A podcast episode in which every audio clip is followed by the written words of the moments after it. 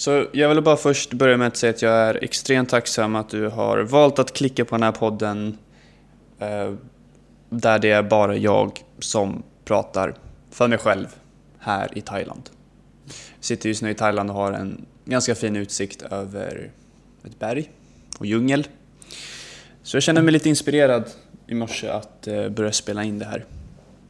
Eh, och eh, det jag tänkte prata om idag är eh, lite av eh, någonting som vi alla upplever egentligen. Det är väl lidande och eh, min filosofi bakom det. Men eh, jag kommer också vara väldigt punktlig och långsam när jag pratar. Jag kommer inte ha bråttom, om man säger så.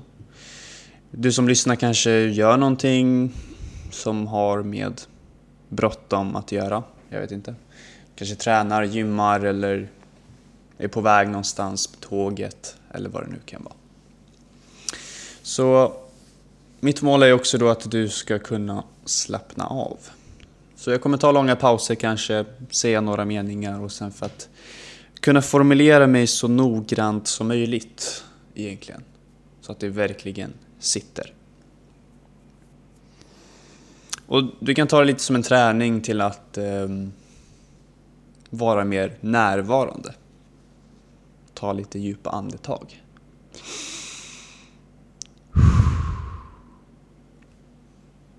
För vi har alltid bråttom någonstans och vi är alltid på väg någonstans och tänker på vad vi ska göra och tänker på det vi gör istället för bara göra det.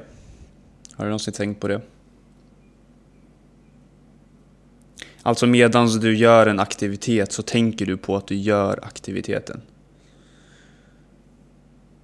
Om inte det är en ganska intensiv aktivitet, vi ser att du... Som att du... Ja, hoppar ner från ett flygplan, fallskärm eller åker skidor eller vad det nu kan vara. Och mycket av vårt lidande kommer ju från att vi konstant tänker, egentligen. Hur vet jag det? Jo, vi kan ju bara kolla lite på samhället, hur det ser ut. Alltså även fast våran, eh, att våra väsentliga överlevnadsbehov är eh, serverade till oss. Alltså det är inte svårt att överleva, i alla fall i västvärlden. Om vi kollar liksom speciellt i Sverige. Det är inte svårt att överleva i Sverige. Du har rent vatten från kranen, du behöver bara gå ner till en butik och då har du mat på bordet. Egentligen. Eh, fattigdom är väldigt litet i Sverige även. Men trots det så verkar det som att ju mer ett land har det mer bekvämt, desto mer får man psykologiska problem. Så trots allt det här så lider vi mer. Vilket är så här, hmm, varför det? Varför måste det vara så här? Så det finns en del i samhället som säger att ja, men det här är någonting jättekomplext och det är någonting man inte pratade om förr i tiden därför fanns inte de här begreppen som ångest, depression och alla de här sakerna.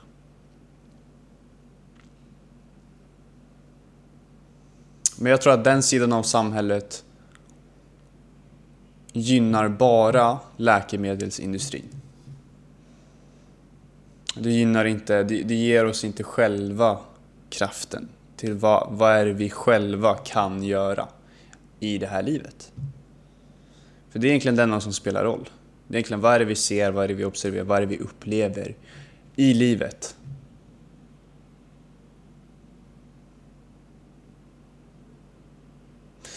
Och jag skulle säga jag tror, men jag säger mer att jag, jag vet att det är inte fallet, utan fallet är att vi lider psykologiskt för att vi har inte, i och med att nu behöver vi inte lägga så mycket energi på att överleva. Så sitter vi i boxar och vi sitter och lever i boxar, alltså bokstavligen lägenheter. Vi är ganska separerade från varandra.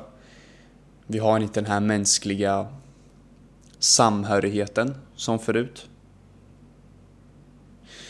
Jag tror för bara typ 200 år sedan så, även i Sverige, jag tror man pratade med sina grannar. För befolkningen var inte så stor. Eller tätbefolkad och det var inga betongbyggnader som var så bortkopplade från naturen som det bara går. Så det enda vi har kvar, eller det enda vi sitter med är vårt sinne. Vi sitter med våran hjärna. Jag kom på att jag måste lägga timer. Jag spelade faktiskt in den här podden igår också, men den blev för lång. Typ två timmar, så jag ska försöka korta ner det här. Eh, vi lägger max 45 minuter från och med nu. Så. Um, så det enda vi sitter kvar med är ju våran hjärna. Det är det enda vi gör och då distraherar vi oss också ifrån det här. Så när vi väl upplever lite obekvämhet eller lite lidande i vårat sinne kan vi inte behärska det så vi distraherar oss. Och det kan vara med alkohol, det kan vara med pornografi, sex, alla de här olika typerna. Gambling. Och det kanske kan vara kontroversiellt att säga men all form av lidande Speciellt inom intellektet, alltså om du har någon form av lidande du upplever i stunden är det en helt annan grej. Alltså har du en glasbit i foten, ja då kommer det göra ont. Du kommer ju lida av det. Sen efteråt kan du ju lägga energi, du kan ju välja att lägga energi på det hur länge som helst. Du kan börja prata om det två veckor framåt fast du kanske inte ser ont längre om att hur du trampade på den här glasbiten och eh, det var butikens fel. Exempelvis. Så det jag vill gå igenom här är framförallt hur eh, våran syn på lidande. Och egentligen varför det inte, eller varför det är en illusion är framförallt för att det finns ingen universell sanning bakom det. Som gravitation exempelvis. Gravitation har ju en universell sanning. Men om vi kollar på lidande. Du kanske själv upplever att det är jobbigt eller att det är inte din grej att gå till gymmet, exempelvis. Du hatar att gå till gymmet. Medan jag kan uppleva det som att, jo men jag älskar ju att gå till gymmet.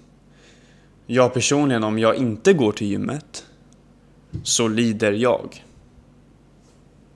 Och det här kan också vara en form av att distrahera sig från sitt lidande också, såklart.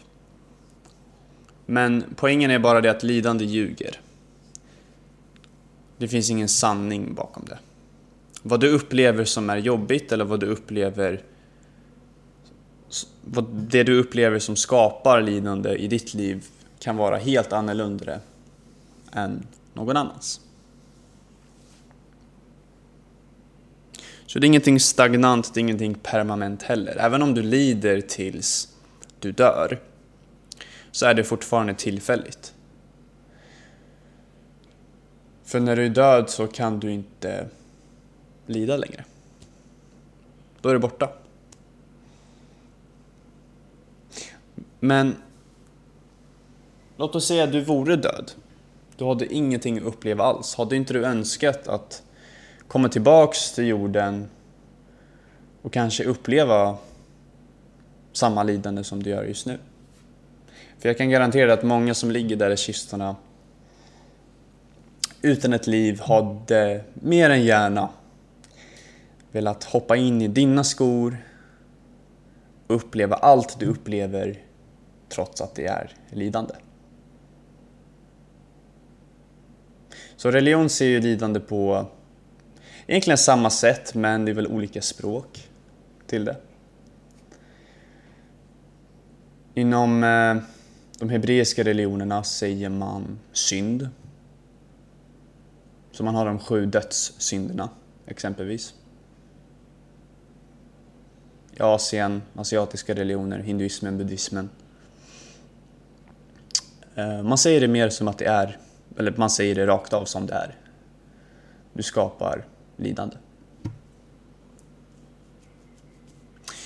Och de sju dödssynderna kan väl översättas som att säga, men det finns ju sju dödssynder.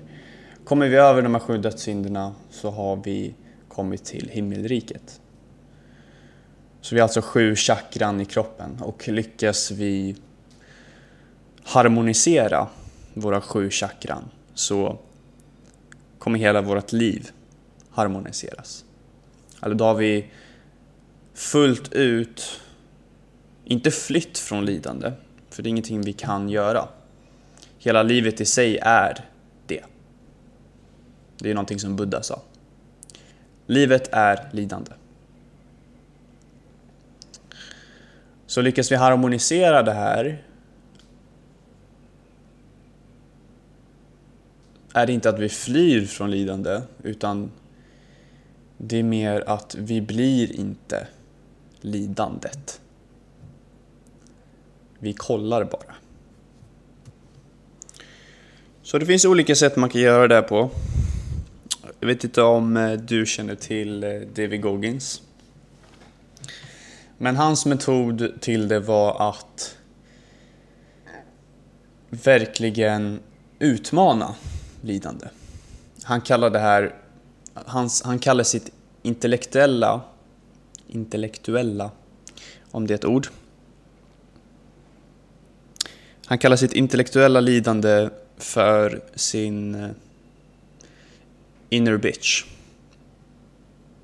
Så alltså har han inte längre associerat sig själv med den här rösten som skapar obekvämhet. Han har separerat sig själv från det här. Nu är inte det någonting han beskriver exakt i sin bok, men det här är någonting han har förstått, vare sig han är medveten om det eller inte. Och det har han gjort genom att faktiskt utmana sig själv i extrema fall där han upplever verkligheten som det är hittar sanningen bakom lidande. Alltså om man har en röst i sitt huvud som säger det här är jobbigt.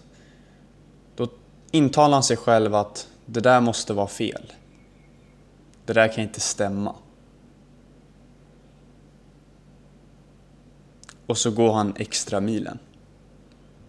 Så jag rekommenderar att du kollar upp den här killen för han har gjort extrema utmaningar som anses vara omänskliga. Och ordet omänsklig beskriver det ganska bra också generellt för att kunna överkomma ditt mentala lidande egentligen. Så det är mänskligt att lida. Det ligger i våran natur att göra det.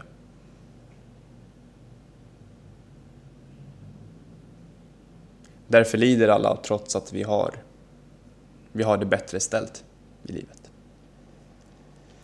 Men Goggins insåg det här och eh, han valde att inte lyssna på det mänskliga inom honom. Efter en lång period av att göra det. Han hade upplevt massa trauman. Det går att läsa eller kolla på Youtube.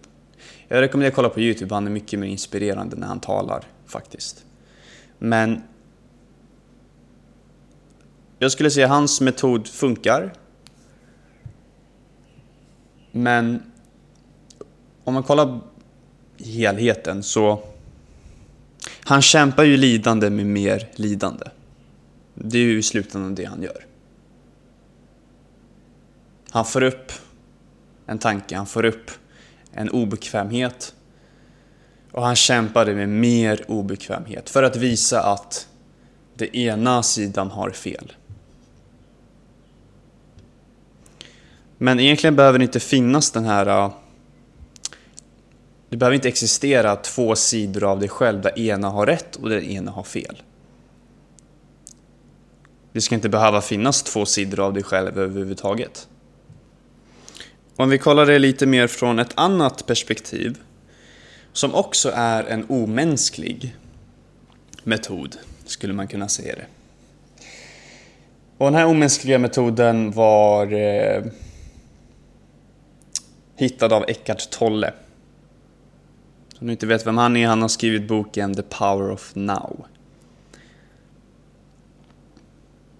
Och varför han skrev den boken och varför han döpte den till The Power of Now var för att i stunden, i nuet, i att vara närvarande kan du uppleva sanning. Och när du upplever sanning så ser du att allt, all form av lidande inte existerar egentligen. Så att Goggins bekämpa lidande med mer lidande funkar. Men det behöver inte vara så. Utan det Eckart menar är att vi kan uppleva, när vi vill, hur vi vill, en stadie där vi inte har någon typ av lidande alls. Alltså vi ser sanningen bakom det. Så jag vill bara också påpeka att när vi upplever, alltså när vi är i det här äh, levande formen av att inte lida. Det betyder inte att vi inte upplever lidande. Vi upplever det fortfarande. Men vi är inte det längre. Och man kan dra den här kopplingen till hans egna historia. Så innan Eckart Tolle blev känd som Eckart Tolle så var han en djupt deprimerad student. Jag är för mig han pluggade någonstans. Eh, pluggade någonting som egentligen han inte ville göra och ja, gjorde det här eh, stegen som man ska göra som en bra medborgare. Och när han var inne i sin djupa depression, han var mot slutet, eller mot slutet och slutet, han var emot den här galenskapen där man till slut säger att man vill ta livet av sig. Och eh, av någon anledning så är människoarten typ den enda arten i planeten som vill ta livet av sig. och vi tar det lite för mycket på allvar tycker jag. För det är ingenting man ska ta på allvar, eller såklart ska man ju ta det på allvar om någon är där. Men hela grejen i sig behöver inte vi ta som sanning. Det finns ingen sanning bakom att någon ska ta livet av sig.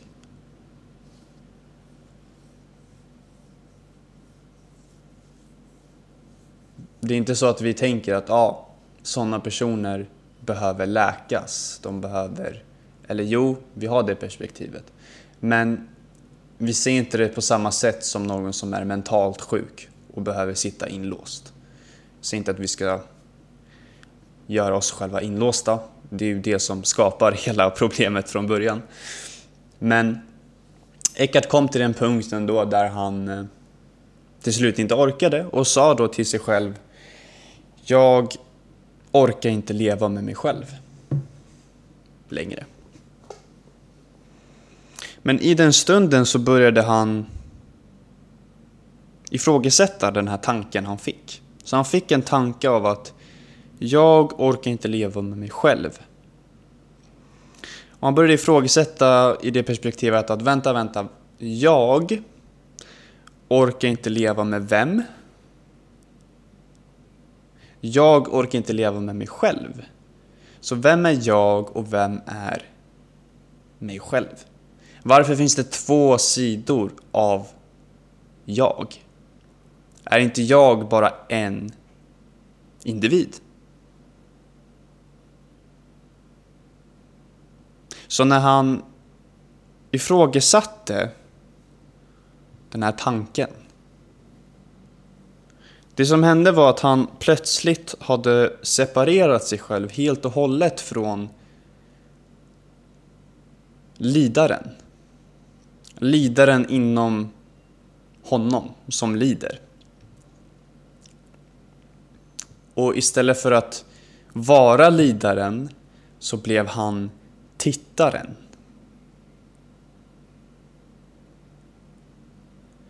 Så han kunde observera den här andra individen inom sig själv som hade ett mönster, ett visst mönster som hade skapat olika konflikter på livet och inte sett livet som det faktiskt är utan bara lagt olika begrepp på det. Jag gillar inte det här, jag gillar det här, det här är så, det här är inte så.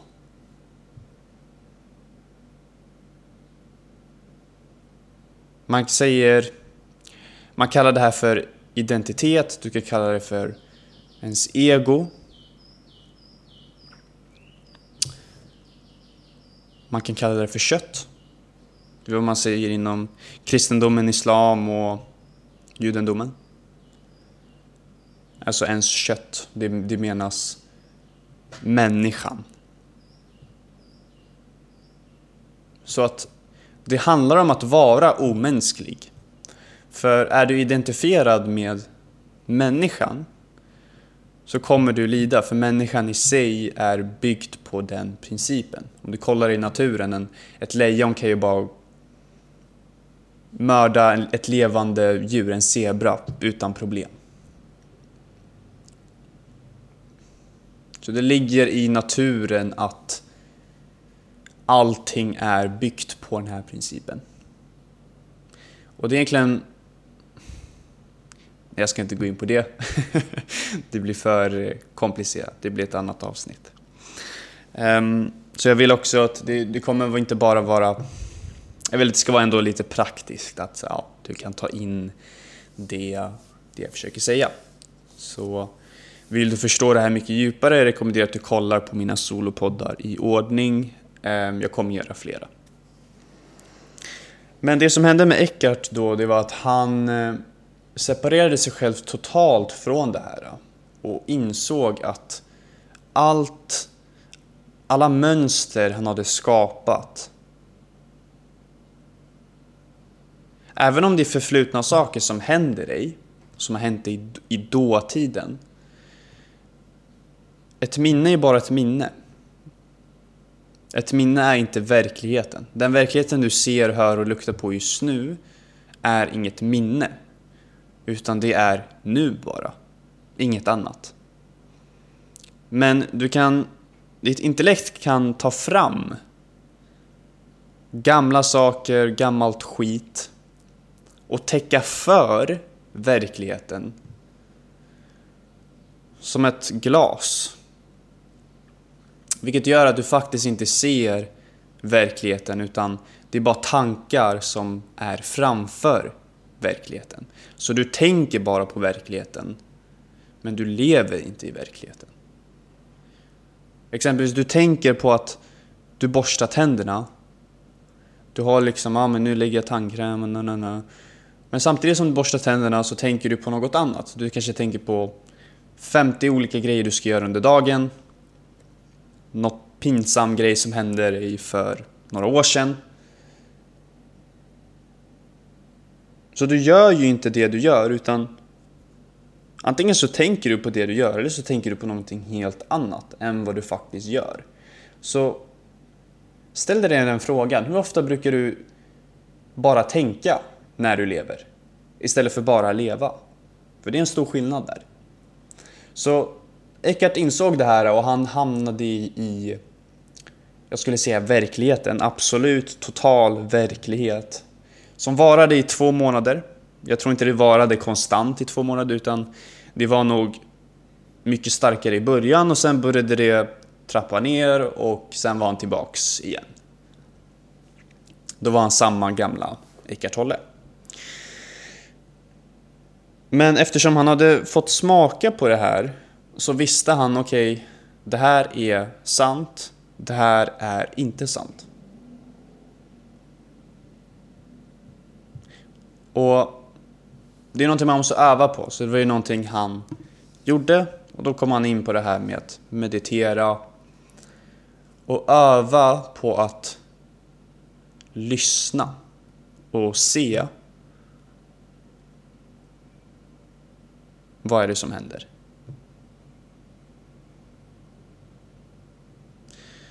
Så jag kommer göra någon sorts test eller övning här. Du kanske inte riktigt förstår exakt det jag menar, men kanske det här konceptet kommer göra att okej, okay, du får en liten smakprov. Men du måste tro på det för att annars kommer det inte gå. Och jag måste också säga, det här är någonting naturligt. Vi alla har redan det här naturligt inom oss. Att vi kan uppnå det Jesus upplevde. Uppnå det Buddha upplevde. När vi vill, hur vi vill. Uppleva absolut sanning. Det är vad vi egentligen består av.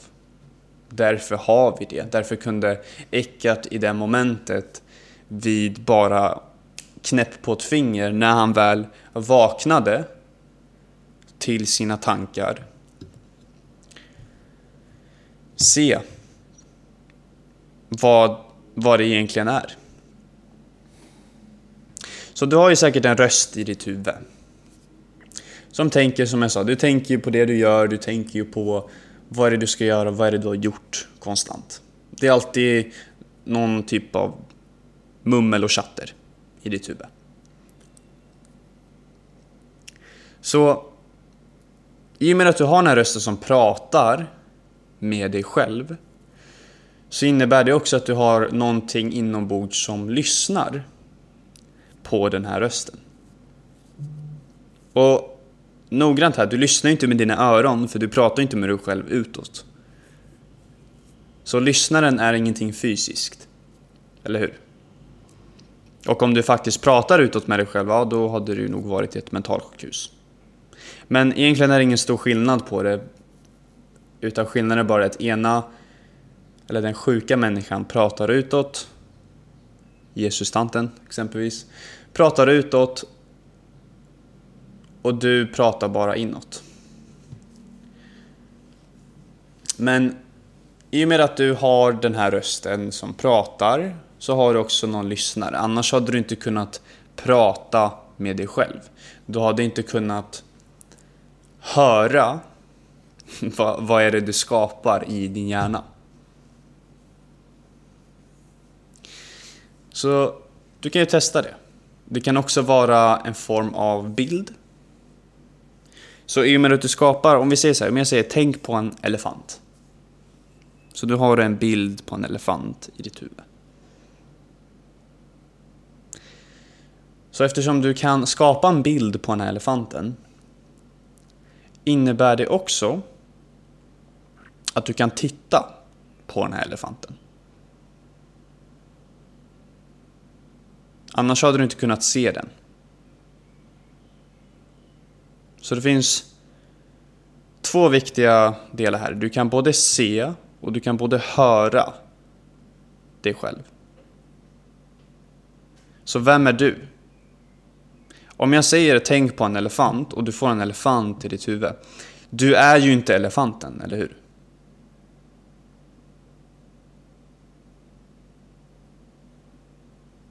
Du är tittaren. Du är den som tittar på den här projektionen av den här elefanten. Om du tänker dig hur på bio, när de spelar upp en film, då har de ju en bandspelare. Du har ju en projektion framför dig, du har ju liksom en bild på den här duken. Du tror att filmen är ju på duken. Men filmen är ju inte där. Filmen är egentligen i projektorn. Så det är projektorn som skapar den här bilden på den här duken. Så det är väl lite samma sak här. Du är projektorn av dina tankar och det du hör, allting som händer i hjärnan. Så det meditation handlar om, det är väl egentligen att bli lyssnaren och bli tittaren. Istället för objektet som dyker fram i ditt huvud. Så precis på samma sätt som att om du tänker på en elefant och du har en bild på en elefant i ditt huvud. Du är ju inte den här bilden av elefanten, det håller du säkert med om. Och du är inte heller den här rösten i ditt huvud. Du är lyssnaren. Det är du som lyssnar på den här rösten. Så i och med det så kan vi också välja vad är det vi vill lyssna på? Vad är det vi vill titta på? Om vi byter ut elefanten till eh, någonting som har med din personlighet att göra. Så om vi tar exempelvis ett eh, gammalt minne du har upplevt.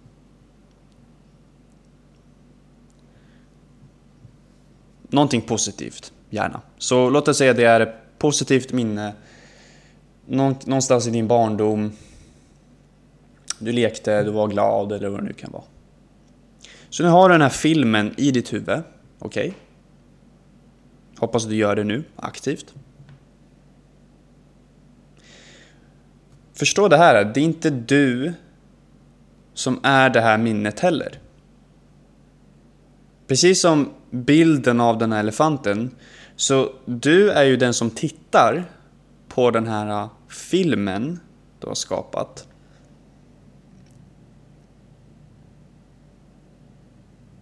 Av färger och ljus som du tog upp då. Och därför har du kreativiteten att kunna skapa något.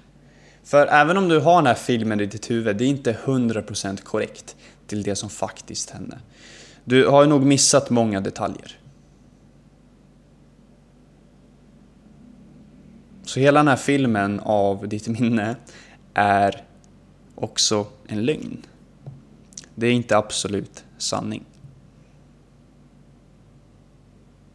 Men det är när vi har den här personligheten, när vi skapar en personlighet, vilket är också varför vi lider som mest, är just den här personligheten.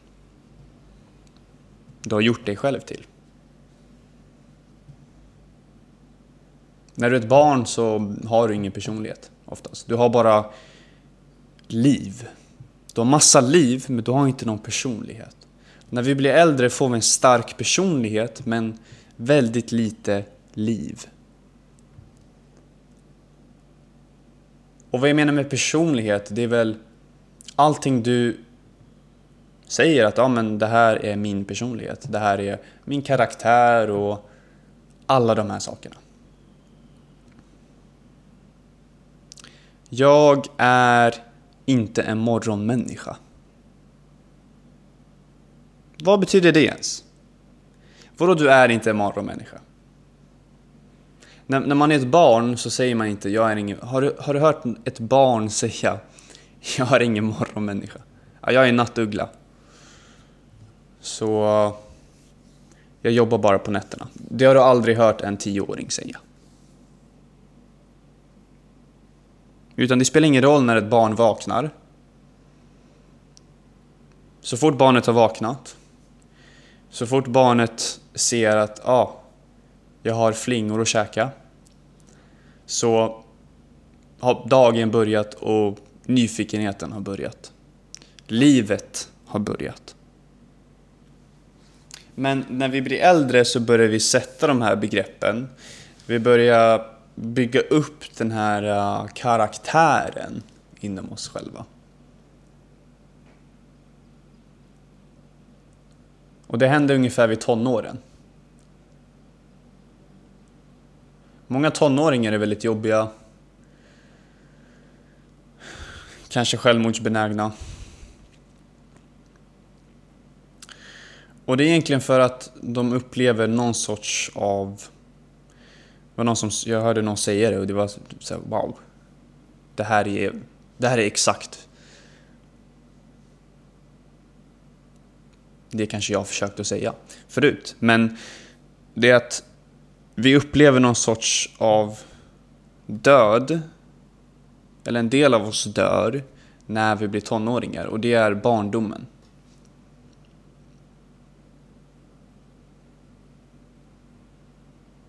Vi vågar inte släppa det. I och med att vi inte vågar släppa det så börjar vi klänga oss på saker och ting. Så vi klänger oss på att vi ska existera fortfarande på något vis. Men hur vi existerade som barn är genom att vi inte hade de här äh, anknytningarna anknutningarna till saker och ting. Att du är det här, jag är mitt, jag är en um, säljare, jag är en mäklare, jo men jag är en, jag är en entreprenör eller vad det nu kan vara. Det fanns inget sån press egentligen. Så det jag försöker säga här med hela den här podcasten det är att i och med att alla våra tankar, i och med att alla våra bilder och filmer vi skapar i vårat huvud är bara illusioner och projektioner. Det är inte oss i naturen.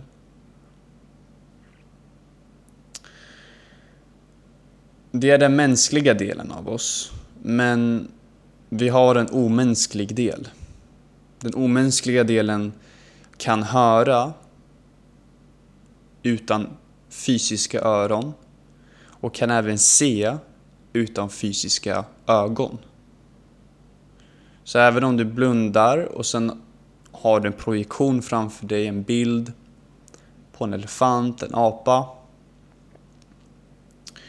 Du ser ju den här bilden men du ser ju inte det med dina ögon. Och vi blir blinda, vi blir spirituellt blinda. Om vi konstant har de här eh, projektionerna, de här tankarna, bilderna som bara täcker för konstant.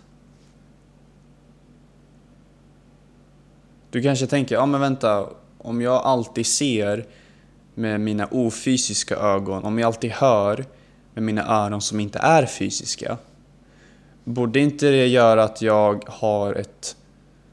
Jag är stark spirituellt?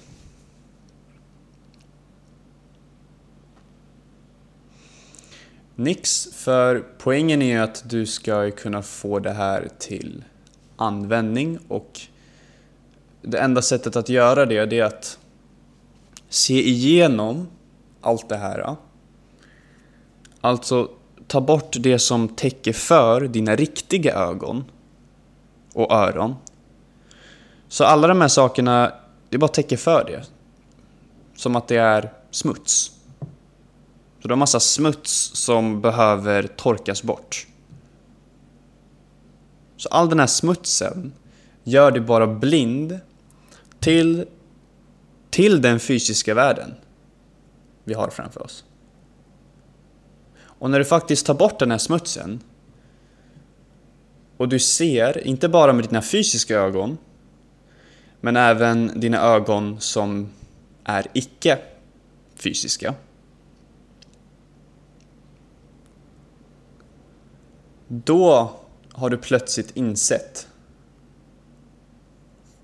vem du faktiskt är. Och det är härifrån du börjar skala av mer och mer all psykologisk lidande som ditt intellekt har skapat. Och det här kan upplevas i korta moment. Som sagt, det här upplevdes för Eckart i två månader, men han var ju tvungen att öva på det. Så det här är någonting man måste öva på. Du kanske upplevde det lite av den här övningen.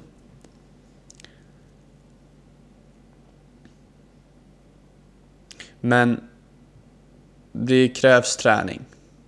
Man måste träna på att inte bara höra, men också lyssna.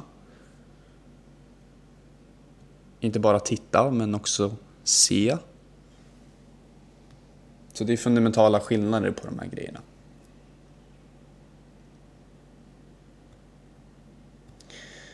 Och den absoluta sanningen är ju att när du väl har tagit bort allt den här smuts, tankar, projektioner, bilder, gamla minnen, fantasier om framtiden, hittan och dattan. Då ser du allting som det är utan att det ska vara bra, dåligt, sämre eller bättre. För alla de där begreppen är också bara smuts.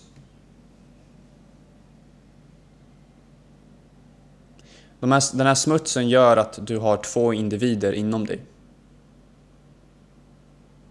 Det var det Eckart insåg. Att det var mycket smuts och det gjorde att han vaknade till till att, ja, ah, varför är det två delar här?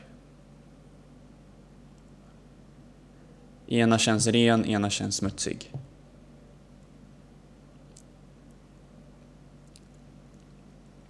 Så ju mer vi övar på det här, desto bättre blir det. Jag vill också bara påpeka, jag är inte helt 100% fullt ut i detta.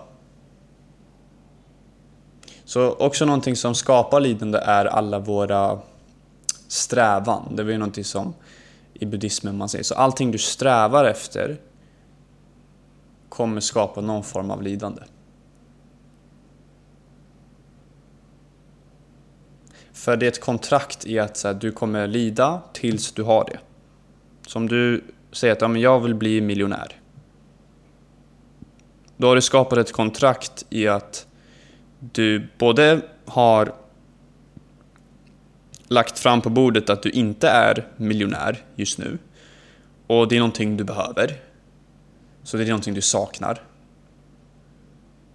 Du är inte komplett. Och i och med det så kommer du vara det tills du faktiskt har den här miljonen. Men när du har den här miljonen, som du säkert hört flera gånger, köper inte lycka, du köper inte ro. Och så människan, i den mänskliga naturen, börjar skapa flera strävan. Så jag säger inte att du behöver inte, du ska sluta sträva och bli en munk. Det är en bra metod, men var väldigt selektiv med vad är det du strävar efter. Strävar du efter att må bra så kommer du lida av det. Och därför kommer du aldrig må bra om du strävar efter det. Så vi kanske lägger de här begreppen att ja, men man, man gör det som mål att vara lycklig. Så i och med att man gör det till ett mål innebär det att du säger i princip att du inte kan vara lycklig förrän du har nått det målet. Men det här målet finns inte.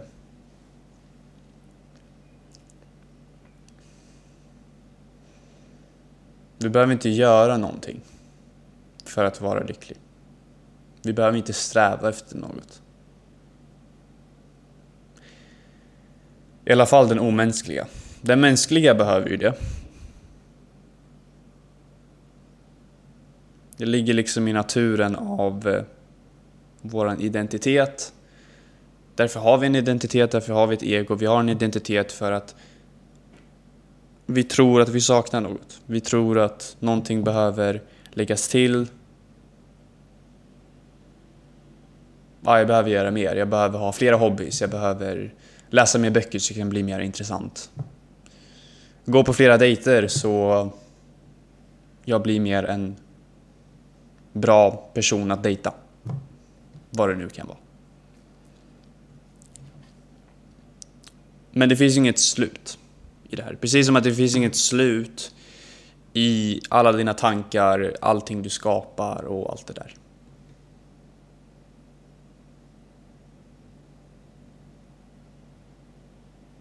Och hela existensen bygger ju på att det inte finns någon början heller.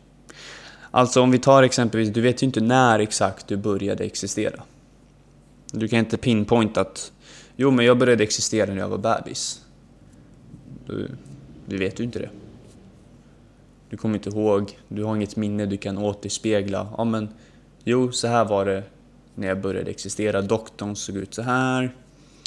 Farsan var typ medioker glad för jag var en kvinna, jag var ingen man. Alltså, du har inget minne av det. Du vet inte heller att det var när du var fyra år gammal eller när du var tio år gammal. Så du kan inte pinpointa exakt när det började existera. Så därför finns det ingen början heller. Och i och med att det inte finns någon början finns det nog inget slut heller.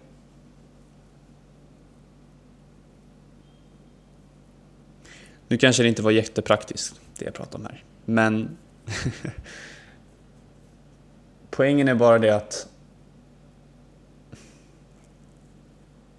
det inte finns någon poäng. det är min poäng. Det finns ingen poäng. Det finns ingenting vi behöver fixa. Det är inget piller vi behöver ta för att sluta lida psykologiskt. Det är ingenting fel på hur hjärnan är byggt eller allt det där.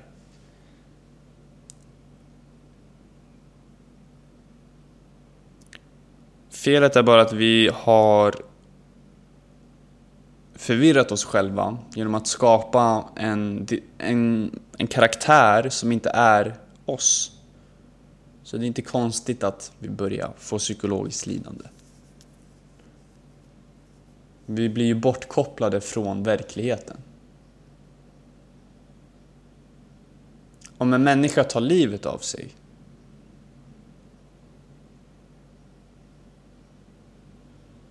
så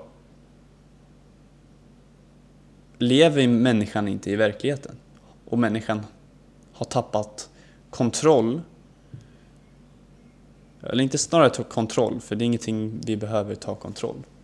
Men försökt kanske ta kontroll över verkligheten och därför gjort det. Men om man kollar från ett utomstående perspektiv och jag aktivt ser någon som skulle ta livet av sig. Det ser ju helt galet ut.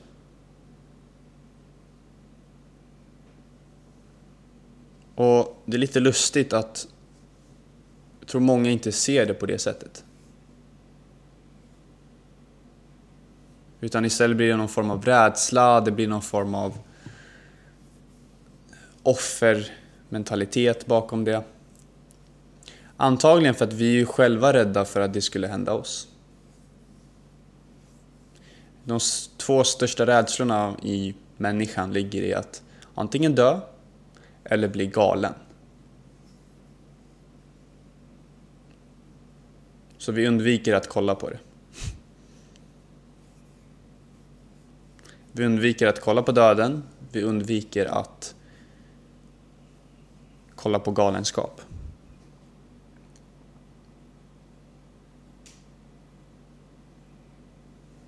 Så när vi väl ser bokstavligen galenskap framför oss vill vi inte se det, för det är smuts. Det är smuts framför oss som gör att vi inte ser.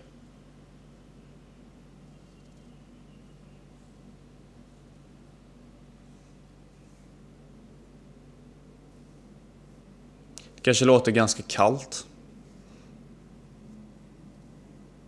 Men eh, jag kan berätta lite av en historia innan vi avslutar. Eh, det har gått ungefär 45 minuter. Så du kanske tänker, ja, men vad vet den här snorungen egentligen om lidande? Vad har han upplevt? Och så. Eh, jag kan säga, för mig började det ganska tidigt. Jag tror kanske när jag var 10 år gammal så började jag långsamt och långsamt behöva acceptera att min far kommer gå bort. Eller snarare inte ville acceptera det. Och det var egentligen för att han själv inte ville eller vågade acceptera det. Under dödsbädden, det var fyra år av cancer då. Så från och med 10 tills jag var 14, när jag var 14 gick han bort. Och jag kommer ihåg då i dödsbädden, även veckor innan, var det inget snack från hans sida om att han skulle dö. Det var som att det var elefant, det var ju elefanten i rummet men ingenting som togs upp. Efterhand känns det kanske, ja men det borde ju ha gjort det och jag hade önskat att det var så. Men samtidigt, det gav mig också mycket att lära mig ifrån för att kunna verkligen se en människa vara så pass rädd för döden. Som min far var. Och det är ingenting jag skyller på honom. Det är ju inte han som är smutset. Han är ju egentligen tittaren och lyssnaren.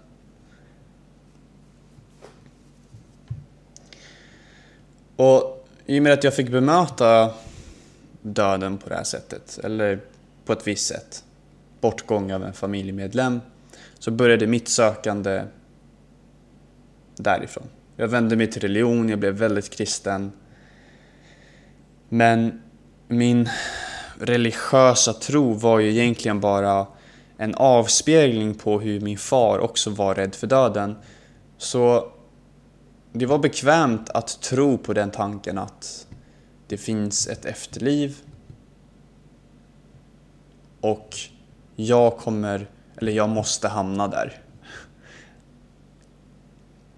Men ett, ett citat som eh, står i, i Bibeln är att, eller det här togs bort.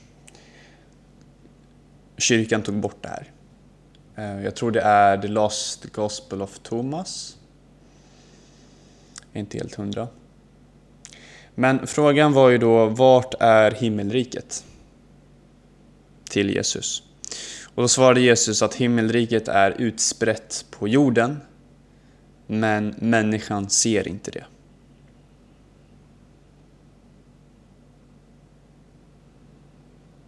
Så himmelriket är ju redan här framför oss. Vi har bara smuts som täcker för det. Och jag kan gå mycket, mycket djupare på det här konceptet av egot, vart det kommer ifrån. Alltså det går ju ända vägen till Adam och Eva-tiderna egentligen. Någonting som Adam och Eva sa, eller någonting som Adam sa det, för, det första han gjorde när han, efter han hade käkat det här äpplet. Från trädet av livet.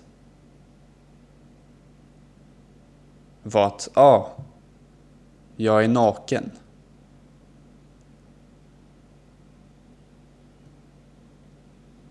Han var ju naken innan han käkade det här äpplet. Men varför sa han det efter han käkade det? Jo, för det här symboliserar då att Adam blev människa. Han blev sitt kött. Han, han skapade en personlighet. Jag är naken.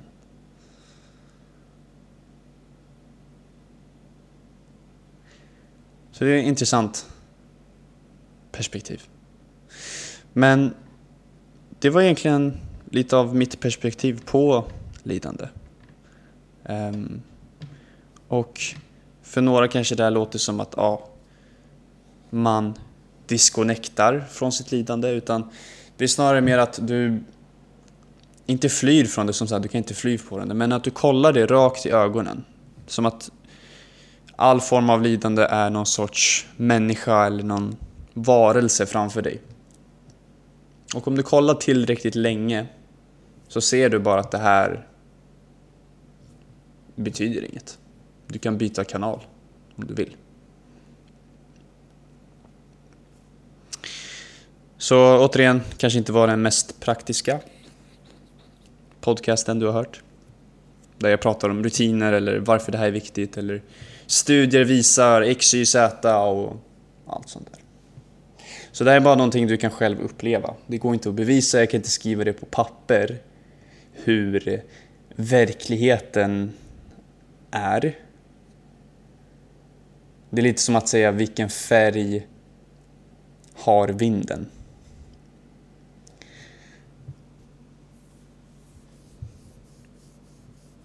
Det är en riktig så här, what the fuck fråga. Vilken färg har vinden? Så jag brukar dra den parallellen till att ja, men om du drömmer, om du har en dröm igår. Det var en jättefantastisk dröm. Du upplevde den här drömmen, du såg, du var där, du kände. Du kommer aldrig kunna bevisa det för någon. Var är det du drömde? Aldrig. Det går inte. Du kan inte bevisa din verklighet till någon annan.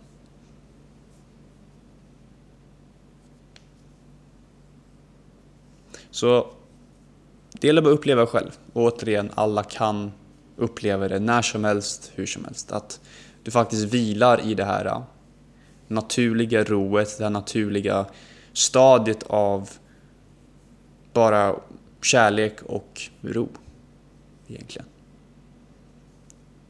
Det här stadiet som Adam och Eva levde i innan de tog äpplet och käkade från det.